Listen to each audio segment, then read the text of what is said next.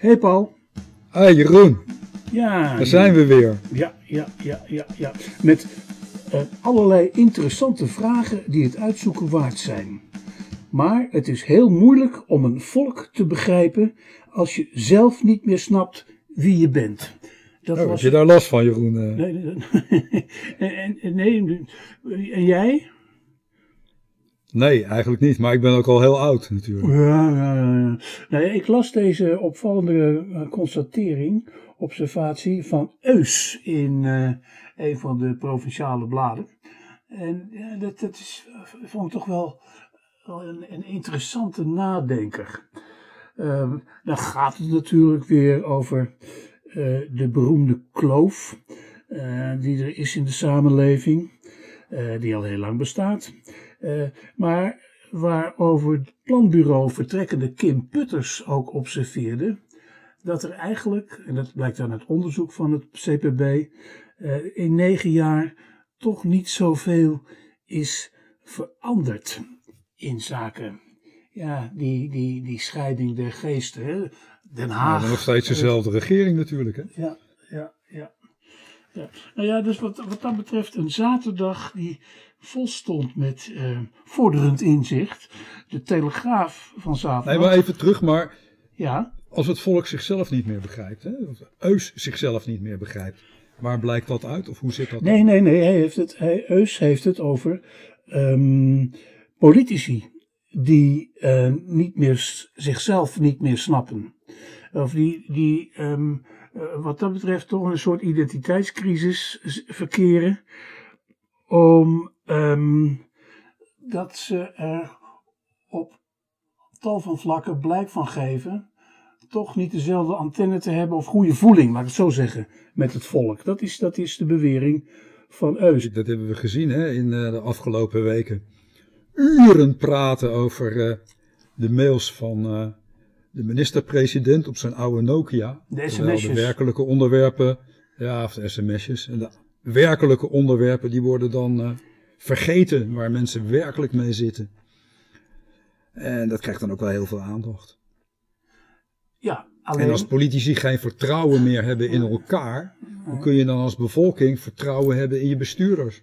Ja, ja. En vertrouwen en eh, inzicht en, en transparantie, hè, dat, dat weer dus. Mhm. Daar ging het natuurlijk ook over eh, bij die eh, eh, oude Nokia van eh, de premier.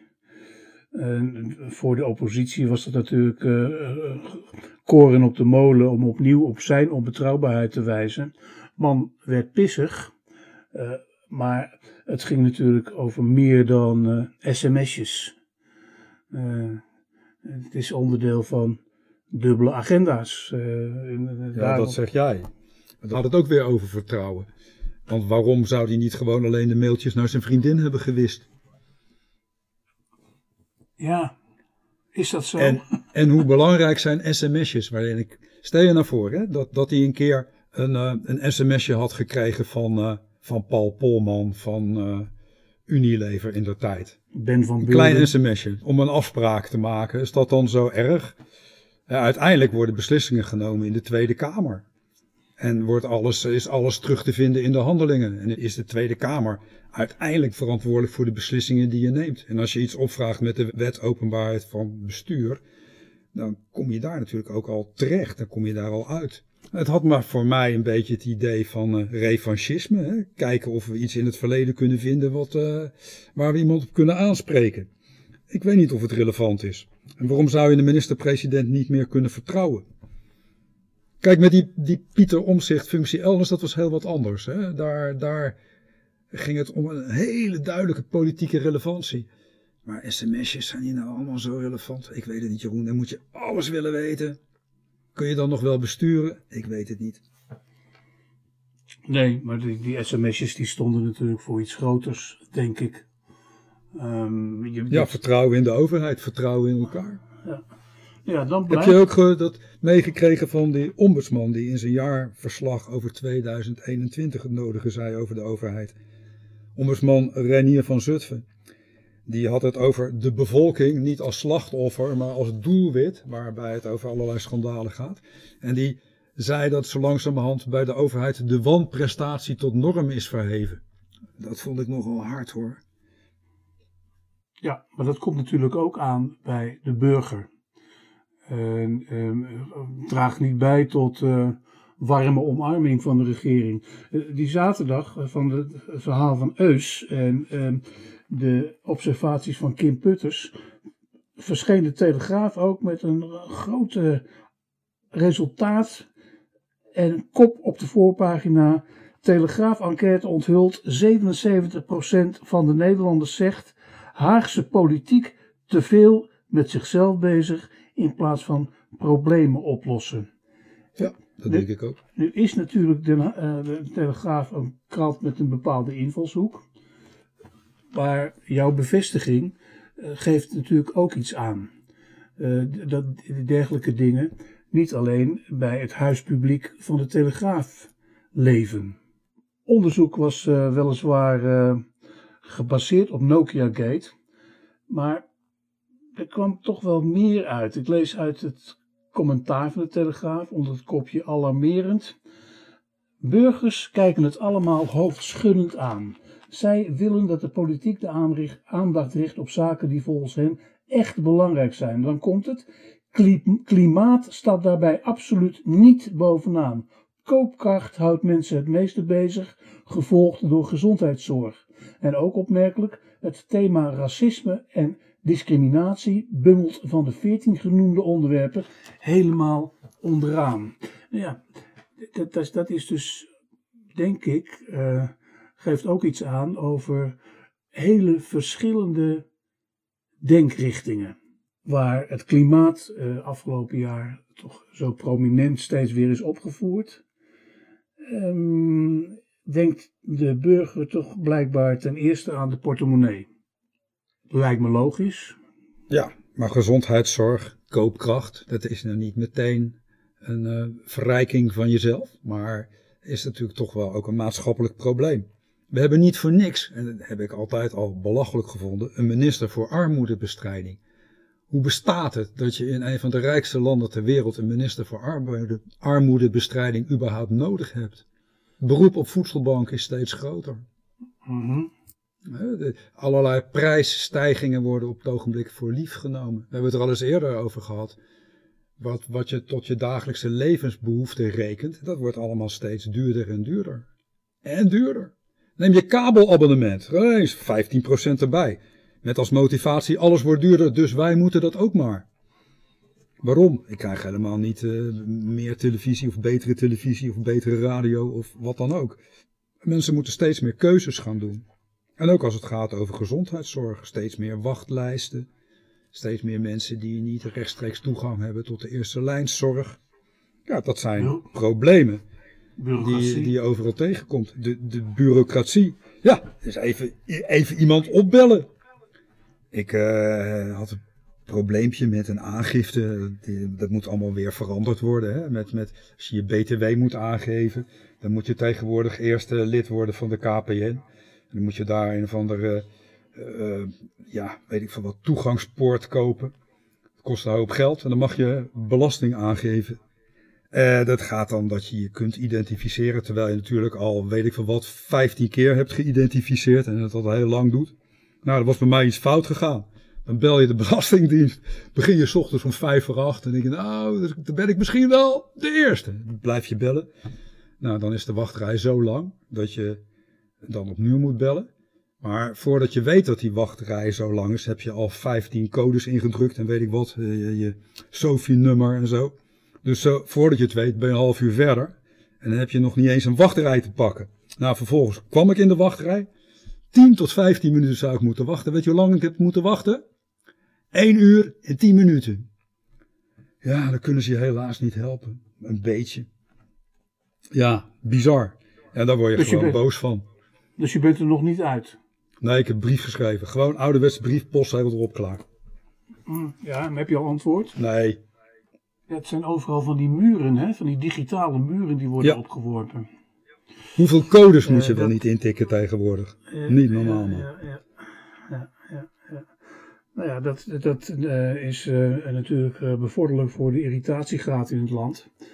Maar goed, ehm, politici die hun volk niet meer begrijpen, hoe, hoe, hoe gaan we het ze toch eindelijk aan hun verstand peuteren? Hoe, hoe, moet dat begrip, hoe moet dat begrip dan eindelijk toch eens indalen? Ja. Ja, maar het volk begrijpt politici ook niet meer. Hè? We hebben het er vaker over gehad, ook bij verkiezingen, dat het uh, politiek bedrijf allerlei marketingbureaus in handen neemt om te kijken welke boodschap ze moeten verkopen om de populairste te worden. Ja, zo werkt het natuurlijk ook niet. Hè? Uh, goed voorbeeld, laatst ging het over die samenwerking tussen Partij van de Arbeid en GroenLinks. En wat hoor ik mevrouw Kuiken, de fractievoorzitter van de Partij van de Arbeid, nu in de Tweede Kamer zeggen? Dat het gaat om samenwerking omdat het volk recht heeft op links leiderschap. Ik ben helemaal niet geïnteresseerd in links leiderschap. Ik ben geïnteresseerd in goede ideeën, mevrouw Kuiken.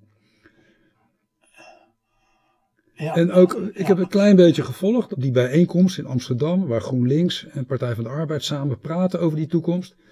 En waar Klaver ook het nodige aan enthousiaste woorden sprak. Terwijl meneer Klaver twee kabinetsperioden heeft geweigerd om regeringsverantwoordelijkheid te dragen. Ja, dat gaat schade. Ja, het is toch ook een beetje een aandoenlijke poging om de macht voor een deel weer terug te winnen op links. Terwijl uh, als je hun uh, zetelaantallen bij elkaar optelt, het nog bedroevend weinig voorstelt. Ja, het zijn twee splinterpartijen die samen gaan samenwerken. Maar Jeroen, er is toch echt behoefte aan nieuwe en andere ideeën? Zeker als je ziet dat een heel groot gedeelte, om maar met fortuin te spreken, van de bevolking zich verweest voelt. Mm. Dan hebben we absoluut behoefte aan goede ideeën, goede plannen. Dat we onze samenleving goed inrichten voor de komende 10, 15 jaar. Maar die hoor ik niet. En als er iemand opstaat die met die ideeën komt, ik denk dat heel veel mensen enthousiast zijn. Ja, maar blijkbaar, gelet op die enquête en de prioriteiten onder de bevolking, uh, is er nogal uh, veel paradoxaals in de ideeën. Uh, Bijvoorbeeld? koopkracht boven klimaat. ja, nou, en? Dat snap ik wel. terwijl klimaat toch ook de aandacht vraagt. Um, groen is... Ja, Jeroen, maar Jeroen, los je, het, los je het probleem klimaat op door miljarden subsidies te geven aan het bedrijfsleven. Nou ja, dat is natuurlijk ook uh, één grote opgeheven wenkbrauw. Door het uh, midden- en kleinbedrijf volledig teloor te laten gaan. Door het openbaar vervoer te verwaarlozen. Noem alles maar op. Dingen waarvan je verwacht dat, dat het de, de uitstoot vermindert. Ja, heel simpel, ga eens gewoon 40, 50 jaar terug. Toen hadden we veel minder problemen met die vervuiling. Hoe zijn die ontstaan? Deregulering, commercialisering, noem alles maar op. Meer, meer, meer. Het, het produceren van een hoop troep. Wat, wat in de kortst mogelijke keren kapot gaat, wat je allemaal weg moet gooien.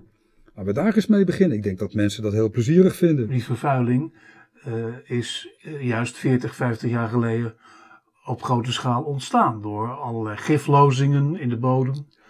Um, ja. Zeker. dat hebben we opgelost, hè? Water en bodem zijn een stuk schoner geworden. Ik geloof dat Beatrix dat nog heeft verteld in de troonrede. Nou ja, daar ga ik ook wel, um, daar kon ik ook wel deels uh, uh, mee akkoord gaan, want dat was feitelijk waar.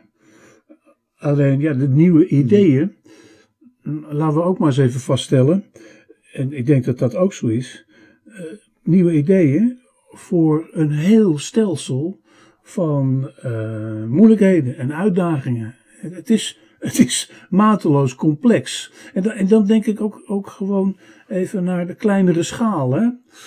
Denkend ook aan de uitslag van de gemeenteraadsverkiezingen. Die andermaal een blamage waren voor grote politieke partijen. En juist uh, uitwezen hoe groot de lokale belangenpartijen worden en, en oprukken.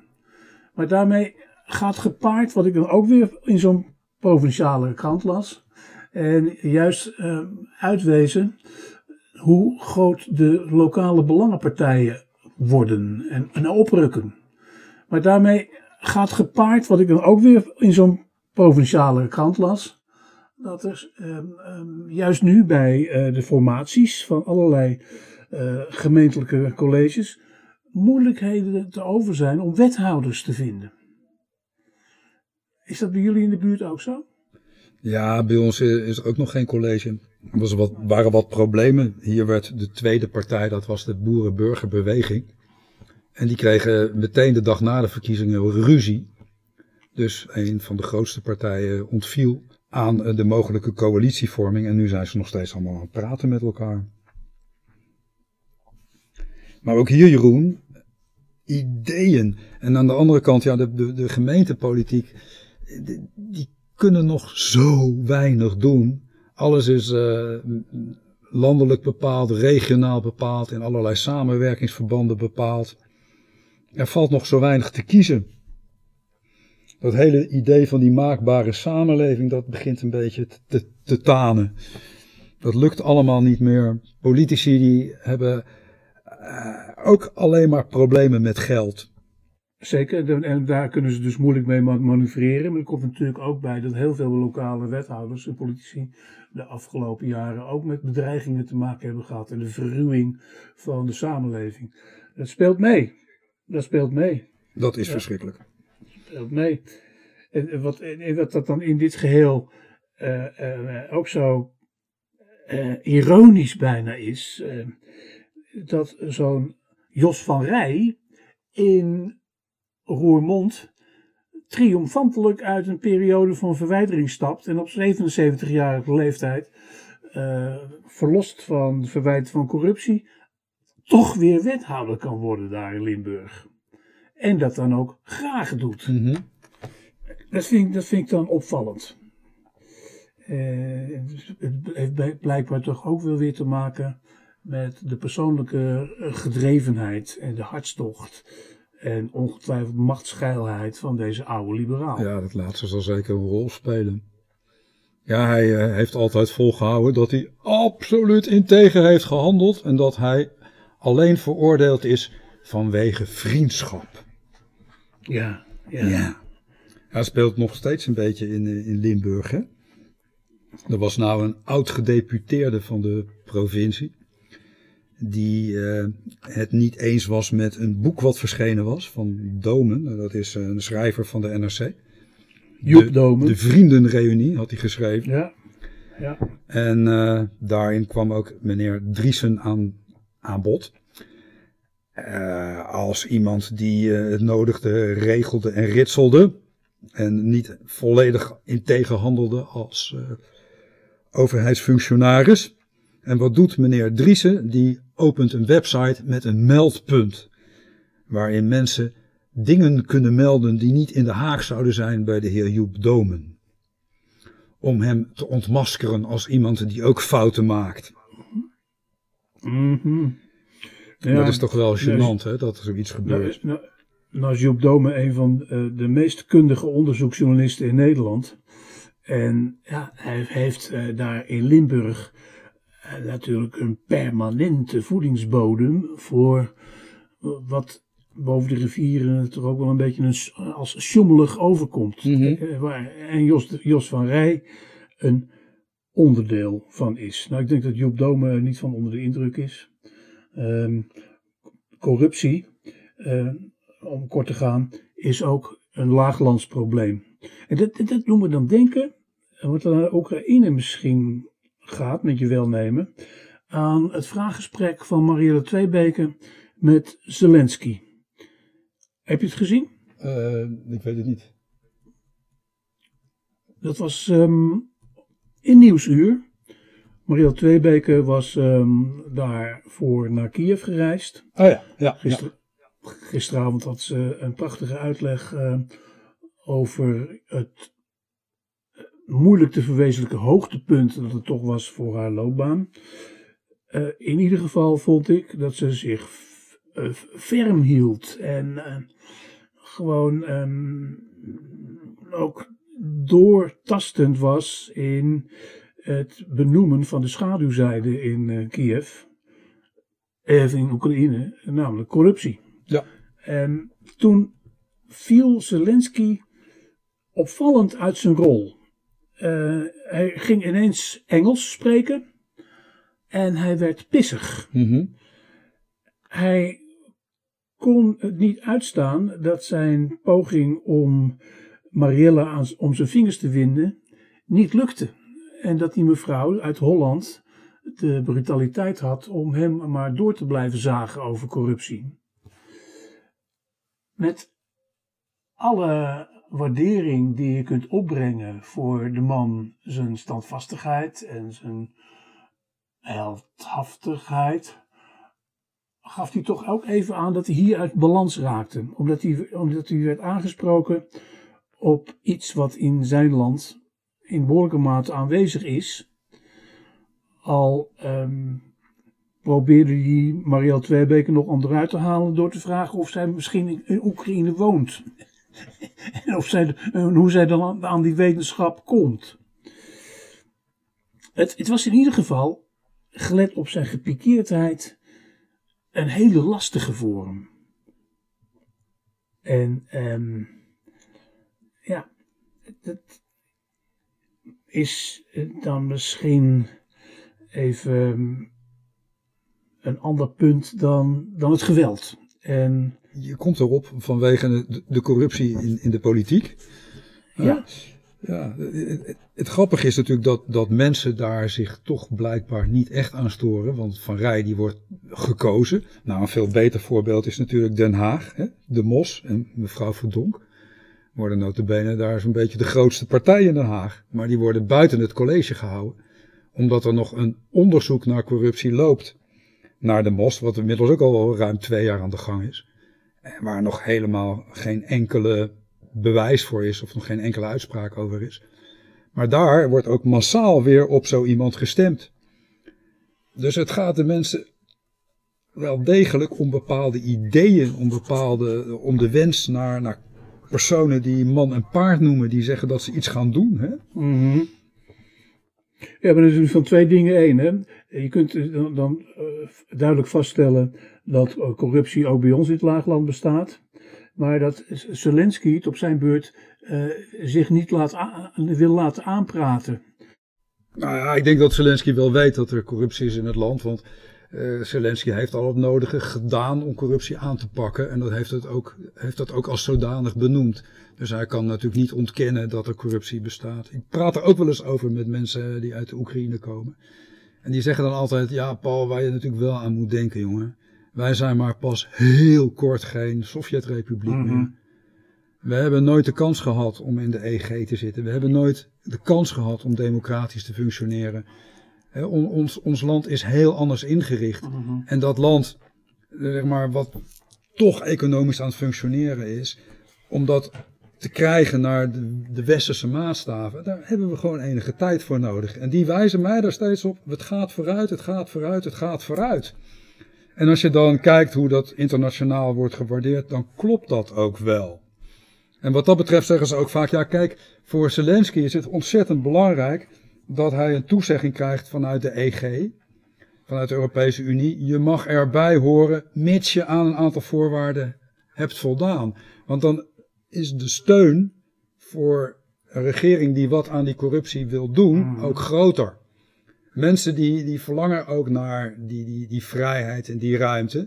En die zijn dan wel bereid om daar wat voor te doen en daar even op te wachten, mits er perspectief geboden wordt.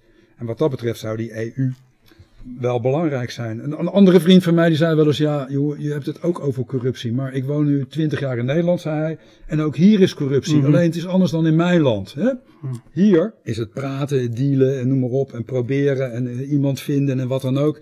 Hij zegt, het grote verschil is, hier is ook corruptie, maar je weet nooit of je op een afspraak kunt rekenen als die onder tafel wordt gemaakt. In mijn land, zegt hij, daar betaal je ervoor, maar dan krijg je gewoon een bonnetje en dan weet je waar je aan toe bent. Welk land, welk land is dat dus? nou, ik, ik noem het maar niet. Nee, nee, nee. Ja, ondertussen. eh, Het is een land in Azië trouwens. ja, ja, maar goed, de Zelensky eh, zegt in hetzelfde interview met uh, Marielle Tweebeke dat eh, Mark Rutte, wat hem betreft, ook niet duidelijk genoeg is. Of duidelijker moet zijn. Ja, het is de, de wortel en die ezel, hè? Zo die man die op die ezel zit en dan een hengel heeft. Aan een touwtje hangt dan een wortel voor de neus van die ezel en dan houdt die ezel aan het lopen. Maar die wortel krijgt hij nooit te pakken. En voor mensen in Oekraïne is het belangrijk dat er op een gegeven moment wel mogelijk is om die wortel ook daadwerkelijk te pakken en hem op te eten. En dat snap ik wel. Maar eerst moet de Oekraïne maar eens uit de ellende komen, Jeroen. Dat gaat daar niet goed. Hoe spreken uh, jouw uh, connecties in Oekraïne over um, de zogenaamde Russificering, de Russificatie, de bevrijding die hen wordt opgelegd, die hen is opgelegd? Ja, waar ze op het ogenblik vooral heel, heel uh, angstig over zijn, is toch het gewoon toenemende verlies aan mensen. Iedereen kent op het ogenblik mannen, vrienden, echtgenotes, omen, neven, die uh, sneuvelen. Het is een heel bloedige oorlog in het uh, oosten. We krijgen daar niet zo heel, heel, veel van mee. Maar het is een oorlog een beetje te vergelijken met wat, wat er in de Eerste Wereldoorlog gebeurde. Hè? Mensen in loopgraven en als er dan een voltreffer is van een granaat en die raakt zo'n loopgraaf, dan zijn er meteen heel veel slachtoffers. Slachtoffers vallen aan beide kanten, aan de Russische kant en aan de Oekraïnse kant. Aan de Russische kant nog meer, want de aanvaller is altijd kwetsbaar. Maar het gaat toch steeds meer mensenlevens vergen. Nou, Zelensky heeft ook gezegd dat hij uh, niet tot elke prijs naar honderdduizenden extra slachtoffers wil doorvechten. Eh, wat die Eerste Wereldoorlog betreft, eh, dat is, ging in zijn alle gruwelijkheid ook maar over en weer met beperkte terreinwinst. En dat, vind ik, dat blijf ik het hele merkwaardige van deze oorlog vinden. Dat, dat uh, ondanks getalmatige overmacht de Russen blijkbaar niet de, het, het tactisch en materieel potentieel hebben om dit ook vanuit de lucht definitief te beslechten dat is iets, iets wat ik nog steeds niet begrijp. Kijk, Jeroen, er zitten twee aspecten aan. Ehm, aan de ene kant eh, heeft de Oekraïense leger meer afweersystemen dan verwacht. Dus ze kunnen, die, ze kunnen dat redelijk aan. En aan de andere kant deinzen de Russen er ook voor terug om het land volledig kapot te gooien. Eh, ze vernietigen steden, ze vernietigen ontzettend veel huizen, eh, infrastructuur, van alles en nog wat. Maar als er niets over is in het land, hebben ze er zelf ook niks aan. En dan de mensen die daar wonen zullen zich daar ook tegen de Russen keren. Uiteindelijk moet er wel iets overeind blijven staan. Ze hebben het nodig voor uh, hun, zou ik zeggen, bruggenhoofd, hun Russische bruggenhoofd. Maar over hoofd gesproken, dat Russische is niet in die hoofden van de Oekraïners te krijgen. En dat voedt, en dat is, blijft natuurlijk eh, over potentieel gesproken onderdeel van uh, hun Vietcong-achtige hardnekkigheid. Uh, dat Hoe bedoel je nou, dat? De Amerikanen destijds over luchtmacht gesproken, met ongelofelijke eskaders B-52's hele oerwouden platgooiden. Maar dat de Vietcong dan weer doodleuk uit hun holen kropen en de grondoorlog voortzetten, die te veel werd voor de Amerikaanse boots on the ground, met al die hamburger hills. Um, die loopgraven, loopgraven die jij noemt, die loopgraven die jij noemt, dat, waren, dat zijn de, de Vietcong-holen van de, de Vietnam, Vietnamoorlog van destijds. Ja, ik weet het niet of je het kunt vergelijken. ik denk wel eens aan dat, dat filmpje van, van een bloem, hè? die dan met een fototoestel wordt gemaakt. En dan wordt er elke uh, 10 seconden of zo wordt er één klikje gemaakt. En dan, zie je, als je dat dan in één keer afspeelt, zie je zo'n bloem heel snel groeien. Terwijl zo'n bloem er in wezen drie, vier, vijf weken over doet. Als je zo naar die oorlog kijkt en je kijkt elke dag even naar de kaart, dan zie je toch dat die wel steeds meer rood kleurt. En dat de Russen stapje voor stapje voor stapje delen van Oekraïne innemen. En daarnaast in het hele land bombarderen. De Dnipro de afgelopen weken een aantal malen gebombardeerd. In de omgeving van Odessa wordt nog steeds gebombardeerd. Dus dat land wordt heel langzaam verwoest. Er is bijna geen treinverkeer meer mogelijk. In uh, die grote plaats die nu onder vuur ligt, Severodonetsk, daar is een hele grote kunstmestfabriek. Ja, gewoon verwoest. Het is verschrikkelijk. Er is geen gas, geen water, geen elektra. van de 120.000 mensen die daar wonen, er zijn er op dit moment nog maar 15.000 in die stad. En die leven daar in kelders. Het is een verschrikking, maar de Russen stapje voor stapje voor stapje en ze hebben de tijd. Terwijl het Oekraïense leger ja, langzamerhand ook uitgeput raakt. Het is, uh, het is nog steeds heel griezelig. Ze hebben de tijd, ze hebben de tijd, ze doen het stap voor stap, ze plempen maar door. Alleen heel Oekraïne overweldigen zal ze dus blijkbaar nooit lukken. Waarom nooit? Ik denk dat het Westen daarin een hele belangrijke rol gaat spelen. Laten we eens even kijken. We hebben het er eerder over gehad wat de directe doelwitten zijn van Rusland. Ze pakken die hele Donbass. Daarmee hebben ze een, stuk industrieel hart van Oekraïne in hun grip. Een aantal stevige fabrieken, eh, grondstoffen, kolenmijnen, noem maar op. Ze hebben het zuiden, de grote havens, de hele Krim, de hele zee van Azov. De enige haven die ze nog niet echt onder controle hebben is Odessa. Mykolaiv ook niet helemaal, of helemaal niet. Maar de Zwarte Zee beheersen ze ook grotendeels. En daarmee hebben ze de hele economie van Oekraïne min of meer platgelegd. De infrastructuur wordt op dit moment gebombardeerd met, uh, met bommen. Overal in heel Oekraïne. Moet je maar eens kijken hoeveel aanvallen er nog steeds zijn. Je krijgt dan dus een volkomen bankrupt land. Die alleen met behulp van, van het Westen dus nieuw kan worden opgebouwd. Ja, dat is een enorme, enorme opgave. Ik denk dat het heel belangrijk is dat het gebeurt. En het imperialisme van de Russische staat uh, gestopt wordt. Maar je kan niet, niet spreken van overwinnaars. Nee, natuurlijk niet. En daarom is het ook heel ingewikkeld om hier zo van veraf een definitief oordeel over te hebben. Het is goed dat je wat je schetst aan hun vorderingen. Maar wat de Russen, eh, los van de economische schade, eh, volgens mij, en dat staat voor mij wel vast, nooit zal lukken is om eh, de harten en zielen van Oekraïners te winnen. Nee. Nooit niet. Nee. Dat, dat, de, de bevolking van Oekraïne heeft al zo verschrikkelijk veel te lijden gehad in haar geschiedenis. Onder Stalin, onder Hitler, Mhm. onder Poetin. Het is verschrikkelijk. En daarom blijft het een absurde oorlog. Waarvan we de afloop niet kunnen inschatten. Maar een oorlog die de wereld weer verandert. Ja, in, in, in, in heel verschillende machtsblokken verdeeld. Bleek, wel uit het World Economic Forum in Davos. Eh, er staan eh, eh, grote landen als Brazilië en India doen helemaal niet mee. Het zijn althans niet geneigd om met het Westen mee te denken, me- mee te steunen.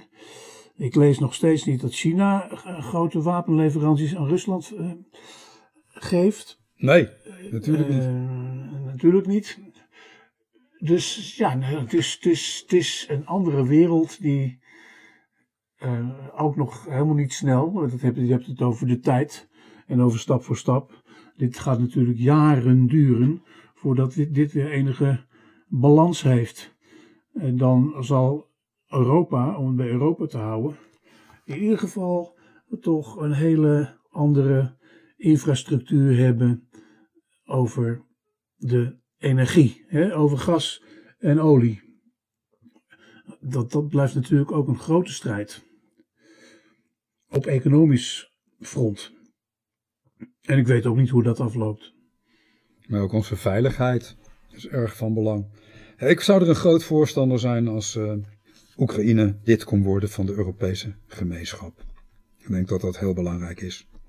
En dat we het gevoel hebben dat we ehm, dat idee van mensenrechten en democratie in Europa stevig verankeren. En dat Oekraïne daar onderdeel van uit kan maken. Net zoals de Baltische Staten en Polen en Engeland ook terugkeren tot de EU zou heel verstandig zijn. Ja, dan noem je dus juist landen die al zo in een, een vrij liberale sfeer aan het opveren waren. En naar een, eh, een, een, vredige, een vredige ontwikkeling. Ja. En dat is wat deze oorlog natuurlijk zo volslagen absurd maakt. Dat, dat Rusland in een merkwaardige nostalgische hang naar een rijk dat ze nooit meer zullen vestigen, eh, deze sferen, deze ehm, gunstige, vriendelijke, vredige sferen zo ongelooflijk verziekt. Dat blijft er zo absurd aan. En ehm, nou ja, ik ben benieuwd hoe uh, jouw Oekraïnse relaties zich wat dat betreft de komende weken zullen uiten. Ja, die willen gewoon terug naar huis. En die hopen dat het over is. En die blijven opgezadeld met een enorme haat tegen het Kremlin. Natuurlijk. Maar ik lees dan ook wel over terug naar huis gesproken. Uh, dat het na drie maanden uh, ook wel voor een heleboel mensen welletjes is om vluchtelingen over de vloer te hebben.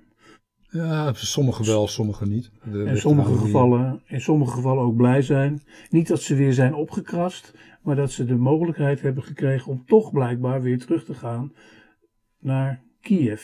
Ja, Kiev eh, is, is redelijk veilig weer, gelukkig. Dan vind ik dat ook heel, heel dapper. Ja. Oké, okay. um, Paul, even naar eigen land. Uh, ben jij ook zo, uh, heb jij ook zo'n zo'n feestelijk gevoel bij uh, 2 juni 1122?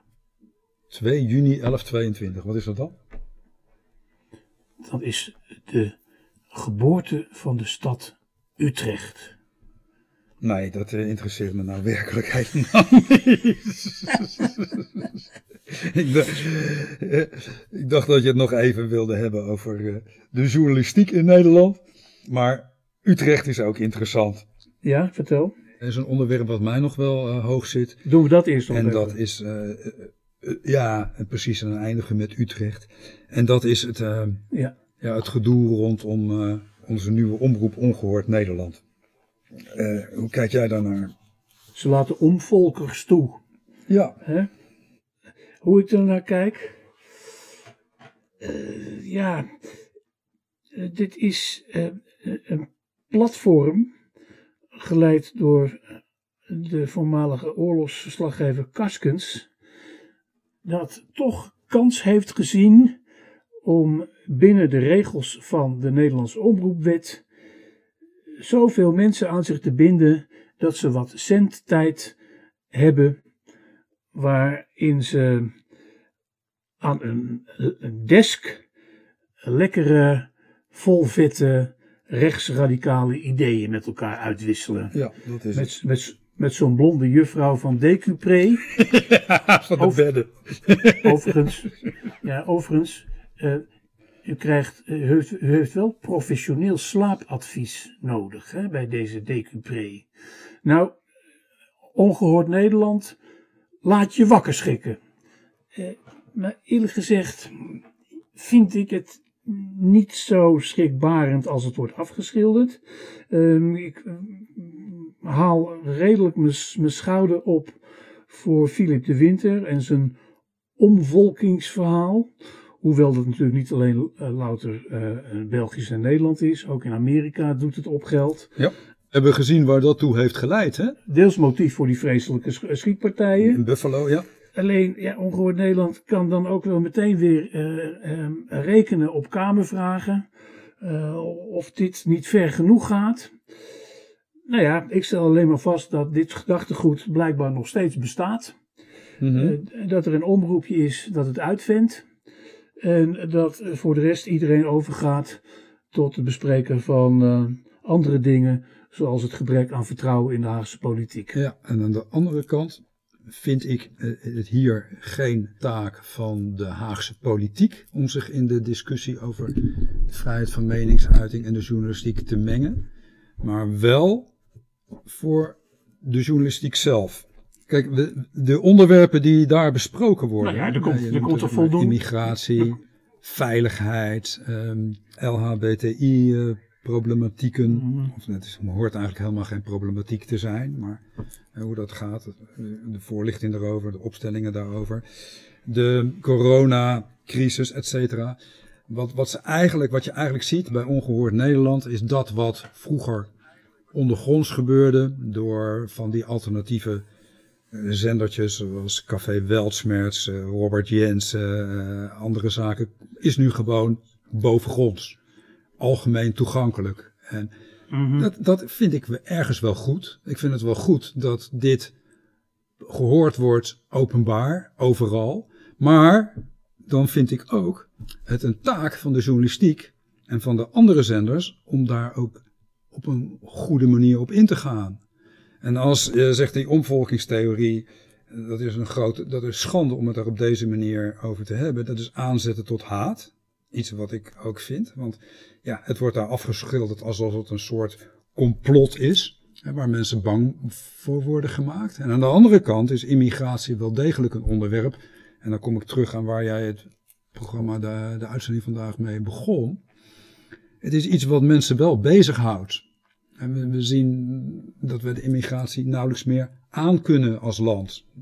We hebben niet genoeg opvang, we hebben niet genoeg huizen, et cetera. Ja, dan vind ik het wel een taak van de andere journalistiek om daar ook eens heel goed op in te gaan. Noem, bijvoorbeeld corona. Hè? Ik hoor om mij heen meer mensen dan tijdens corona die zeggen van ja joh, die, uh, die vaccinatie dat is veel gevaarlijker dan gezegd. En die, die, die vaccinatie en die hele, die hele corona, het is één grote bedrog. En ik hoor het veel meer dan in het verleden. En in de kranten zie je ook stukjes hier en daar verschijnen van ja, was het nou allemaal wel nodig geweest? Hadden we dat niet anders kunnen doen? Is er, zijn er niet veel meer bijwerkingen bij die vaccinaties? En dat wordt nauwelijks serieus besproken. En we hebben een omroepsysteem wat gebouwd is, zoals vroeger uh, heette, externe pluriformiteit. Hè? Meningen die met elkaar concurreren, die elkaar aanvullen, die elkaar bestrijden. En dat zie ik veel te weinig. Nou ja, we hadden, vroeger hadden we de zuilen en de verzuiling. Nou, dat is, dat is volledig opgeruimd. En wat we nu hebben is uh, blijkbaar een, een, nieuwe zuil, dat ongehoord Nederland. Ja, maar dat betekent dat die oude andere zuilen, die zullen we dus behoorlijk tegenwicht moeten gaan geven. En ik vind het ook een journalistieke taak om dat te gaan dat, doen. Blijkbaar, het is een goed onderwerp voor uh, de, de, de talkshowtafels en voor uh, serieuze journalistiek. Ik heb, ik... Nee, voor serieuze journalistiek. We hebben zoveel talkshows ja, ja, nou goed, maar... meningen worden gegeven. En wat je ziet in die talkshows moet het allemaal een beetje neutraal mm. zijn. Hè? Als de ene iets zegt, moet de andere iets tegenover ja, zeggen. Ik, ik heb, maar het idee van externe pluriformiteit is dat je elkaar ook daadwerkelijk met feiten en argumenten bestrijdt. En dat de een zijn zegje doet, maar dan, dat de ander dan ook zijn zegje doet. En dan goed en stevig. Nou ja, het is natuurlijk wel zo dat uh, de, de kwaliteitsjournalistiek uh, over het algemeen in de hoek van de zogenaamde linksere, liberalere, intellectuele bladen als Volkskrant en, en NRC wordt ge, geschaard, gegroepeerd. Alleen het vervelende is dat dat natuurlijk ook nogal forse uh, eigen parochies zijn van genoemde bladen. Zoals Ongehoord Nederland ook een parochie bedient die er allemaal al te graag gelooft in dit soort um, uh, uh, omvolkingstheorieën. Terwijl het, het, het weldenkend deel van de lezers en luisteraars van um, verantwoorder zenders en kranten het natuurlijk allemaal maar grote larie vinden. Ja, ik bedoel, vanmiddag nog keek even wat Paul Cliteur. Het informatief veld is... Kan je die niet re rekenen tot het weldenkende deel? Wie, wie kan je nog rekenen tot het weldenkende deel? Het gaat om informatie, het gaat om betrouwbare ja, informatie. Ja, ja, Maar die mensen die jij hoort hè, over, over corona en uh, hun, hun sepsis en vrevel over vaccinatie, waar halen die hun, hun informatie vandaan? Och, de hele internet staat er vol mee. Ja, nou hebben, ze, hebben we zo langzamerhand uh, toch ook niet door wat een, een, een ongelooflijke uh, bagger uh, dat internet verspreidt. Nee, nee, nee, dat is het probleem. Daar, daar moeten we, hebben we goede journalistiek voor nodig. Om de feiten van de mythes te scheiden. En als, als mythes uh, steeds meer mainstream worden, als mythes steeds meer worden geloofd als er steeds meer, wat je dan noemt, weldenkende mensen worden opgevoerd die die mythes mee verspreiden. Ja, zijn het mythes? soms twijfel je wel eens. Ik twijfel ook wel eens. Nou ja, ik denk aan mezelf en, en, mijn partner en mijn vriendenkring. We hebben allemaal op, op onze leeftijd al onze vaccinatie en, en boosters gehad. Uh, uh, ik heb um, anders dan degene die jij blijkbaar spreekt, nog geen nevenbijeffecten ondervonden. Nog niets kwalijks ondervonden. Nee, Ehm, niet. ik stel alleen vast dat eh, ondanks deze heftige eh, campagne, vaccinatiecampagne, het virus nog steeds niet eh, geheel verdwenen is. En eh, Nee. dat er ook al. Maar wel uit het serieuze nieuws. Hè? Dat heb ik een jaar geleden leefden we elke dag met staartjes. Zoveel mensen waren besmet, zoveel mensen waren getest. Dat, dat, dat is nog steeds zo. Alleen we horen het niet meer. Maar de mensen die die coronamaatregelen allemaal eh, als eh, complot afs- afschilderen, die zijn nog steeds actief. Die hoor je nog steeds. En, en hun geloofwaardigheid wordt er niet minder op. En daar maak ik me wel zorgen over. Maar hoe werkt nieuws eh, van oudsher? Eh, dit is zo'n proces van alle tijden. Eh, en dat zien we nu ook weer. Dat ander nieuws, het eh, eerdere nieuws, blijkbaar kan wegdrukken. En dat, dat is in die opeenvolging van corona en Oekraïne natuurlijk aan de gang.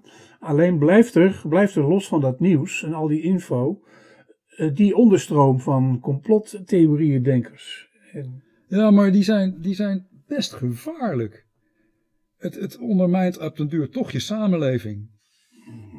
Nou, niet, eh, niet, niet mij, in ieder geval. Ga eens terug naar het begin van, van eh, Hakkertak van vandaag. Hij zegt 77% heeft geen vertrouwen meer in zijn politici.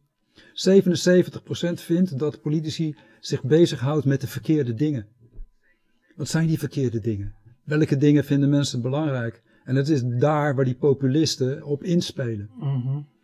hun taalgebruik. Als het gaat bijvoorbeeld over zo'n omvolkingstheorie. Dat is, dat is naar. Dat zet mensen tegen elkaar op. Dat creëert achterdocht. Dat creëert eh, haat. Dat creëert. Dat is niet goed. Of het is een probleem en dan pak je het aan. Of het is politieke agitatie. En eh, voor de rest hebben we een samenleving in een zodanige wanorde. eh, Dat ze natuurlijk ook, en dat zijn die 77% van de enquête van de Telegraaf, het met z'n allen lekker zelf gaan uitzoeken. En, ja, dan blijkbaar, eh, zeg ik hardop denkend, eh, ook moeten aanvaarden dat ze, waar problematiek onbeheersbaar is geworden, met z'n allen in de rij staan op Schiphol. Want ze mensen zijn, de mensen zijn, eh, hebben blijkbaar last van hun koopkracht, maar nog wel zoveel geld om massaal naar het buitenland te vliegen nu het weer kan na corona. Dat is natuurlijk ook een onderdeel van de hele ontwikkeling. Als 10% van alle mensen, in, eh, alle Nederlanders in een vliegtuig Mhm. eh, stappen, dan hebben we deze, deze problemen eh, in, in, de, in het kwadraat. Je, je, kan, je kan niet generaliseren. Ja. Nee, nee. Het is, het is als, hè, wat, die andere 90% zit misschien gewoon thuis. Maar als een echt een economische crisis toeslaat, en we voelen dat toch in, Nederland, dat dat eraan zit te komen, dan moet je oppassen eh, op je democratische waarden. En dan moet je oppassen als je een overheid hebt die niet meer geloofd wordt. En ik denk dat het ontzettend belangrijk is dat een overheid eh, daar heel hard aan gaat werken. En de signalen uit de samenleving heel serieus gaan nemen. En gewoon ook alert moet zijn voor zo'n stelletje klieren als ongehoord Nederland. Maar meer dan vervelende klieren vind ik het voorlopig eh, niet. Ondanks eh, de eh, botte taal die daar wordt gebezigd. Ja, Jeroen, dat, dat zeg je nou wel, maar als het. Kijk, wat ik zei, het, komt van, van, het, van de ondergrond naar de bovengrond en dat vind ik alleen maar goed. Dat, dat, laat het maar gebeuren, maar zorg dan wel voor een inhoudelijk antwoord. Wij doen dat ook niet. Wij geven ook geen echt inhoudelijk antwoord nu. We wijzen op het gevaar, we wijzen op het probleem, waar je al van kunt afleiden dat wij er wat anders over denken. Maar dan zullen we ook feitelijk er iets tegenover moeten zetten. Er is geen eh, duidelijk manifest bewijs voor een op handen zijnde totale omvolking, zoals beweerd door de, eh, de winter. Het, Nee, het bestaat niet. niet. Het bestaat niet. Nou, dit, Nee, is, dit is dus mijn observatie. Het, het is kwatsch. Het is, een, het is een mythe. Het is een, ehm, het is een eh, populistische pulp. Ja. Dat is het. En, Er is eh, geen complot. Nee, maar helaas is er zo'n desk. En eh, aan de andere kant is het goed dat dat desk er is. Want dan kun je in ieder geval in kaart brengen wat voor dingen welk deel van een volk, en dat, blijft, is nog wel een, en dat is, blijft toch een minderheid, uh, denkt. En, um, media en massacommunicatie werken ook met een bepaald soort uh, uitvergroting. En televisie, is televisie is wat dat betreft een belangrijk vergrootglas. Maar je moet dingen toch ook wel weer, hoe vervelend ze zijn en hoe uh, schrikbarend, in hun juiste proporties terug weten te brengen. Denk ik altijd maar, van oudsher. Zo is dat.